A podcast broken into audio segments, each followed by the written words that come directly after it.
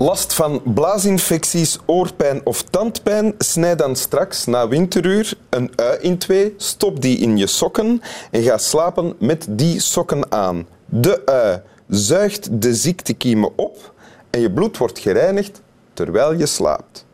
Morgenochtend wel de voetjes wassen. De ui kan u verwerken in bijvoorbeeld een omeletje bij het ontbijt. Voilà. Gezondheidstip van de dag. Voor het slapen gaan. Welkom in Winteruur, Malin Sarah Gozin. Dankjewel, Wim.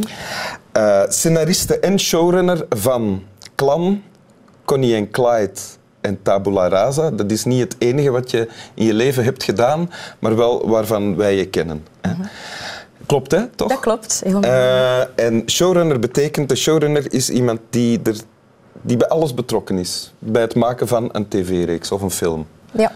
Dus dat Van geldt voor jou allemaal. Ja, op shoot en montage tot het, tot het allemaal af is. Ja, iemand die Ja. zich blijft moeien eigenlijk overal Ja, mee. inderdaad. dus een scenarist die zijn scenario niet kan loslaten eigenlijk.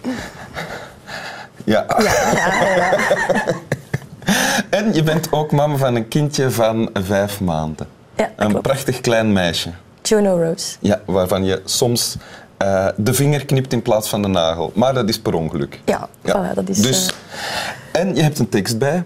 ik heb een tekst bij. Ik heb een tekst meegebracht van ehm Barrico uit het boek Mr. Quinn. Ja.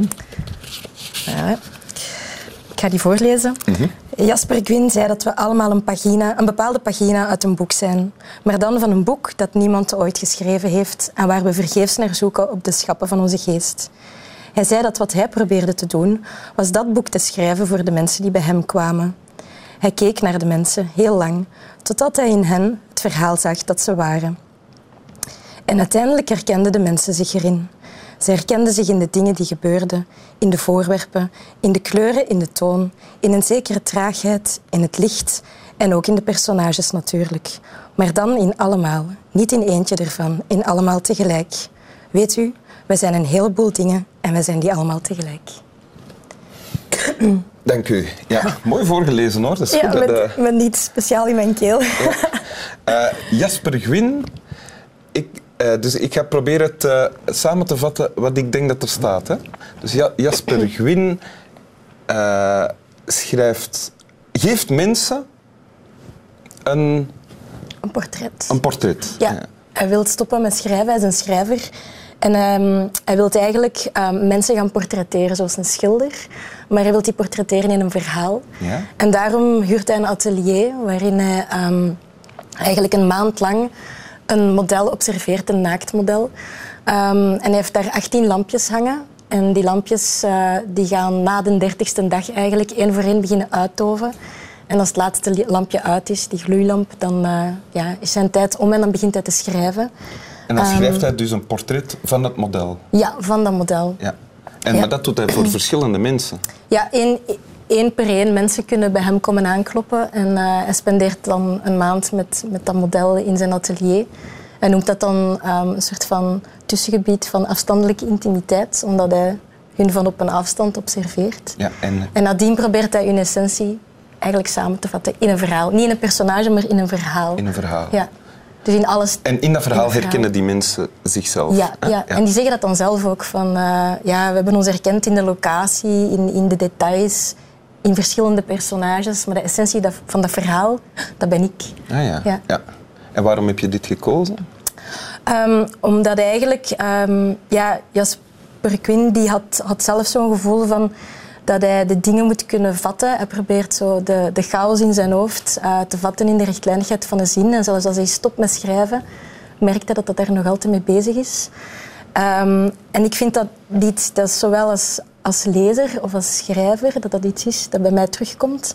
Dat je naar, eh, door een boek te lezen of door iets te schrijven, dat je eigenlijk naar een soort van essentie of betekenis op zoek bent. Ja? Ehm, soms dat je iets leest en, en in de gedachten of in de gevoelens van een personage herkent je iets van jezelf. Mhm. En op dat moment voelt je je ineens minder eenzaam. Als En- lezer, nu heb je het Als over- lezer, ja. En ehm, ja, dat klinkt heel raar, want een boek is iets heel asociaal. Ehm, ja. Dat weet ik niet. Als je een boek leest op zich, is dat, Dat is waar. is dat ja. iets eenzaam. Maar ik vind net door boeken te lezen dat je dan minder eenzaam kunt voelen. Omdat je er inderdaad iets herkent. Iemand heeft iets kunnen vatten wat je voelt. Heeft dat kunnen vatten in, in de zin. Ja. En, ehm, En dat is wat die mensen ook vragen en krijgen aan Jasper Gwyn. En ze krijgen eh, hun eigen essentie. Ze krijgen een essentie, ja. Ja. Omdat dat iets is waar dat we allemaal naar op zoek zijn. Zoals hij zegt, op de lege schappen van onze geest. En hij probeert En is dat dan ook wat jij probeert te geven als je... Of wat je denkt dat je geeft als je een reeks hebt geschreven en gemaakt? Ik vind dat wel tof als mensen uiteindelijk wel iets... Allee, als, als ze dan afkomen en zeggen van ah, ik heb er iets in herkend. Of ja, dat heeft toch wel... Of dat heeft mij geraakt. Ehm, ja, dat, dat is... Omdat jij dan ook woorden en beelden hebt gegeven aan iets dat...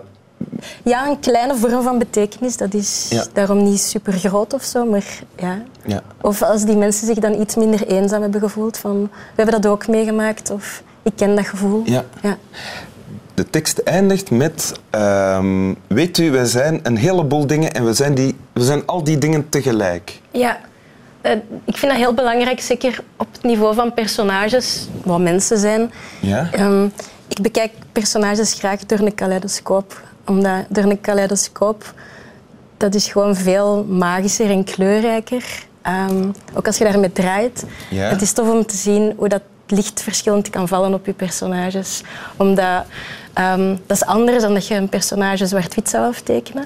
Ehm, alles heeft te maken, één en hetzelfde personage kan ineens iemand anders worden naar gelang de context waar dat die wordt ingeplaatst Ah, ja. of de, de subjectiviteit, de point of view van, van waar dat die mee bekeken wordt. En kijk je ook zo naar mensen dan? En naar Ja, jezelf? absoluut. Ah, ja. ja. Ja, Ja. En, en dat is inderdaad, ze zijn verschillende personages tegelijk, maar je kunt ze ook vatten in, in een kleur, in licht. In, in, ja. De manier van Gwyn, als ik het goed begrijp, om dit te doen, is lang naar mensen kijken. Hè? Observeren. Observeren, ja. Ja. Dus dat is ook... Is dat jouw manier dan ook? Dat, komt er, dat is iets dat automatisch gebeurt. Ehm, als je ergens op een etentje bent of zo, ja, je oren staan open. En soms is het iets dat iemand gezegd heeft omwille van de inhoud of gewoon omwille van de one-liner. Omwille van de reactie of het gebaar, dat kan allemaal. Ja, ja, of een tik of zo. En dan, eh, En dan onthoud je die dingen. dan onthoud ik die dingen. Ja, dan wil ik die zo snel mogelijk opschrijven, want ik heb zelf niet zo goed geheugen. en, eh, maar op het Dus moment als iemand zelf... aan tafel dan jouw boekje ziet pakken, dan weet hij van ah, ik ga in een volgende reeks verschijnen. Ja, nee, meestal probeer ik dan te wachten tot nadat die neken. Of ik stuur mezelf een sms van, ah, ik moet dat nog opschrijven. Ah, ja, ja. ja. Heb je nu tijdens dit gesprek al mental notes gemaakt van oh, dan moet ik straks... eh, Ah, nee, nog niet, nog niet. Er is ook nog geen stilte gevallen. En je hebt ook geen tijd om te observeren, je moet zelf wel een tijd Voilà, praten natuurlijk. Dus, eh, Ja. maar wie weet. Wil je het nog eens voorlezen? Ik ga het nog eens voorlezen, ja. Jasper Gwyn zei dat we allemaal een bepaalde pagina uit een boek zijn, maar dan van een boek dat niemand ooit geschreven heeft en waar we vergeefs naar zoeken op de schappen van onze geest. Hij zei dat wat hij probeerde te doen, was dat boek te schrijven voor de mensen die bij hem kwamen. Hij keek naar de mensen heel lang, totdat hij in hen het verhaal zag dat ze waren. En uiteindelijk herkenden de mensen zich erin. Ze herkenden zich in de dingen die gebeurden, in de voorwerpen, in de kleuren, in de toon, in een zekere traagheid, in het licht en ook in de personages natuurlijk. Maar dan in allemaal. Niet in eentje ervan, in allemaal tegelijk. Weet u, we zijn een heleboel dingen en we zijn al die dingen tegelijk. Dank u. Zeg je mee, slaap wel? Ja, slaap wel. Slaap wel.